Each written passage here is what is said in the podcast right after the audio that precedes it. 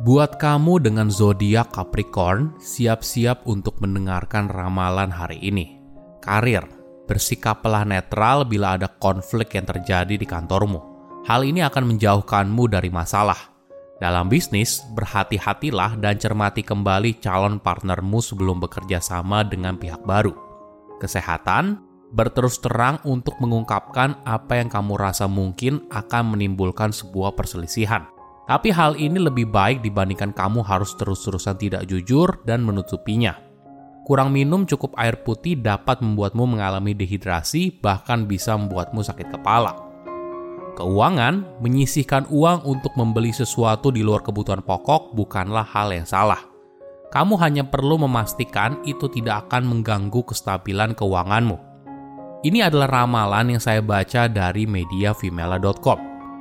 Mungkin kamu penasaran, Loh, kok si kutu buku di awal sudah bicara soal ramalan? Jika bicara soal ramalan bintang, pasti ada banyak pro dan kontra. Ada yang percaya banget, ada juga yang justru nggak percaya banget. Nah, kamu tergolong tipe yang mana?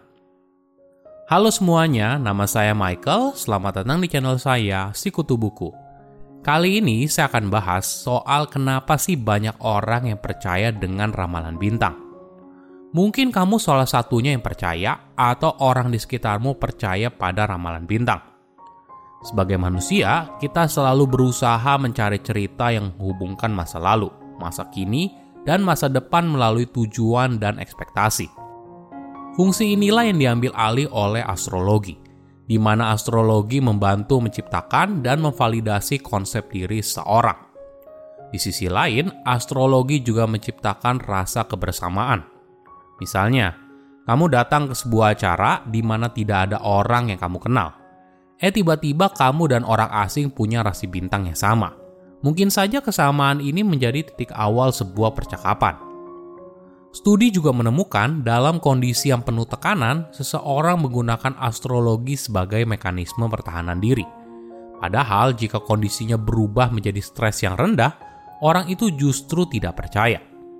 Faktanya, kolom astrologi pertama yang dimuat di surat kabar adalah pada masa depresi besar pada bulan Agustus 1930. Sekali lagi, selama krisis keuangan tahun 2008, orang-orang mencari ahli nujum untuk meramalkan masa depan mereka. Walaupun tidak ada sains di balik astrologi, tapi ini merupakan industri yang sangat besar di seluruh dunia. Di sisi lain, hal yang mendorong seorang pada ramalan bintang adalah ketidakpastian Studi menunjukkan ketika kamu tidak tahu apa yang terjadi di masa depan, justru lebih memicu stres yang tinggi daripada kamu tahu kalau hal buruk akan terjadi. Melalui ramalan, kerangka astrologi membantu manusia mencapai kepastian yang mereka dambakan. Mungkin contoh yang paling nyata yaitu ketika terjadi pandemi COVID-19. Para peramal di berbagai belahan dunia berlomba-lomba membuat prediksi kapan virus corona akan berakhir namun positifnya, ada juga orang yang mendapatkan manfaat saat menghadapi kehidupan sehari-hari. Ramalan ini menjadi dorongan bagi hidup mereka. Misalnya, ketika ramalan minggu ini berkata, ada sosok lawan jenis menarik yang mendekatimu. Mungkin saja hal ini membuat kamu jadi lebih terbuka pada orang lain, dan pada akhirnya kamu bertemu jodoh yang kamu inginkan.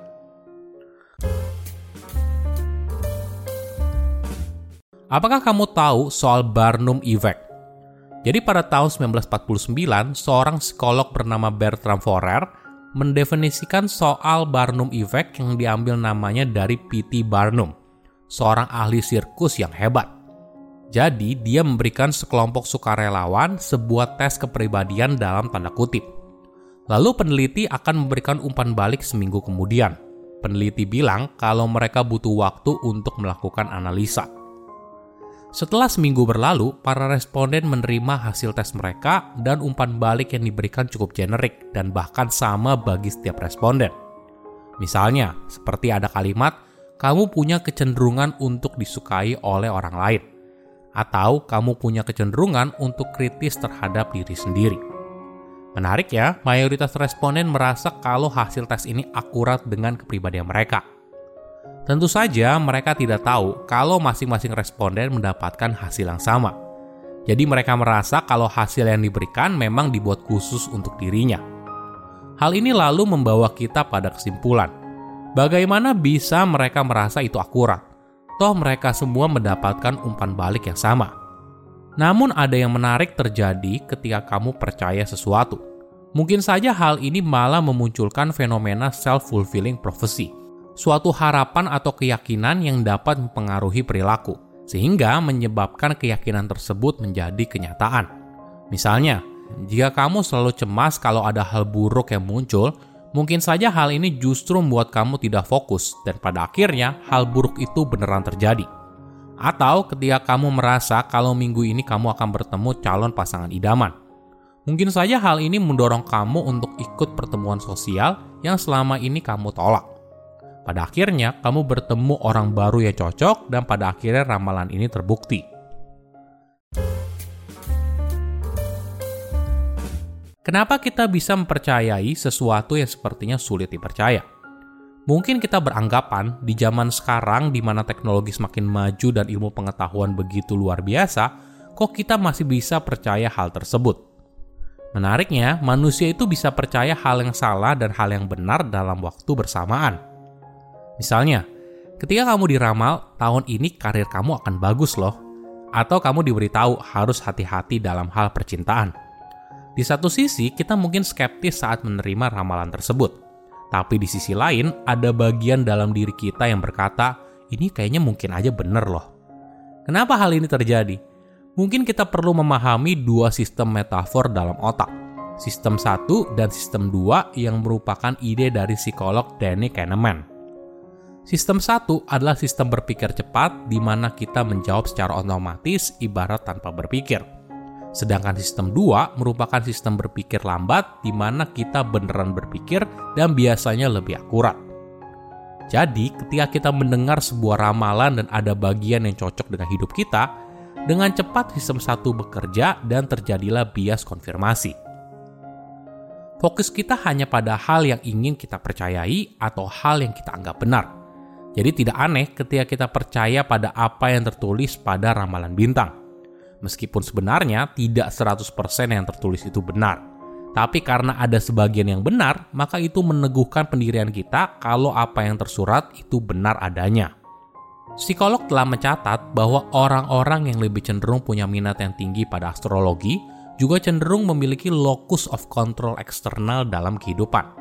Yang artinya mereka percaya bahwa keberhasilan atau kegagalan mereka disebabkan oleh faktor-faktor eksternal atau kekuatan di luar pengaruh mereka. Berbeda dengan orang-orang dengan locus of control internal, yang menganggap diri mereka sebagai pengendali hidup mereka sendiri. Mungkin ada kerinduan dalam diri orang tersebut yang membutuhkan bimbingan dan makna dalam hidup. Wajar saja, mayoritas orang kadang tidak begitu tahu apa yang mereka cari, dan jawaban dari ramalan inilah yang cocok dengan apa yang orang butuhkan. Mungkin perlu dipahami, astrologi umumnya dianggap sebagai ilmu semu, bukan ilmu pengetahuan. Tidak ada penelitian ilmiah yang memvalidasi hasil dari ramalan tersebut.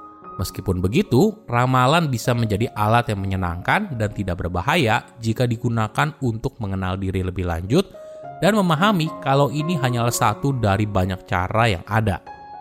Silahkan komen di kolom komentar pelajaran apa yang kalian dapat ketika tahu informasi ini Selain itu, komen juga mau tahu informasi apa lagi yang saya review di video berikutnya. Saya undur diri, jangan lupa subscribe channel YouTube Sikutu Buku. Bye bye.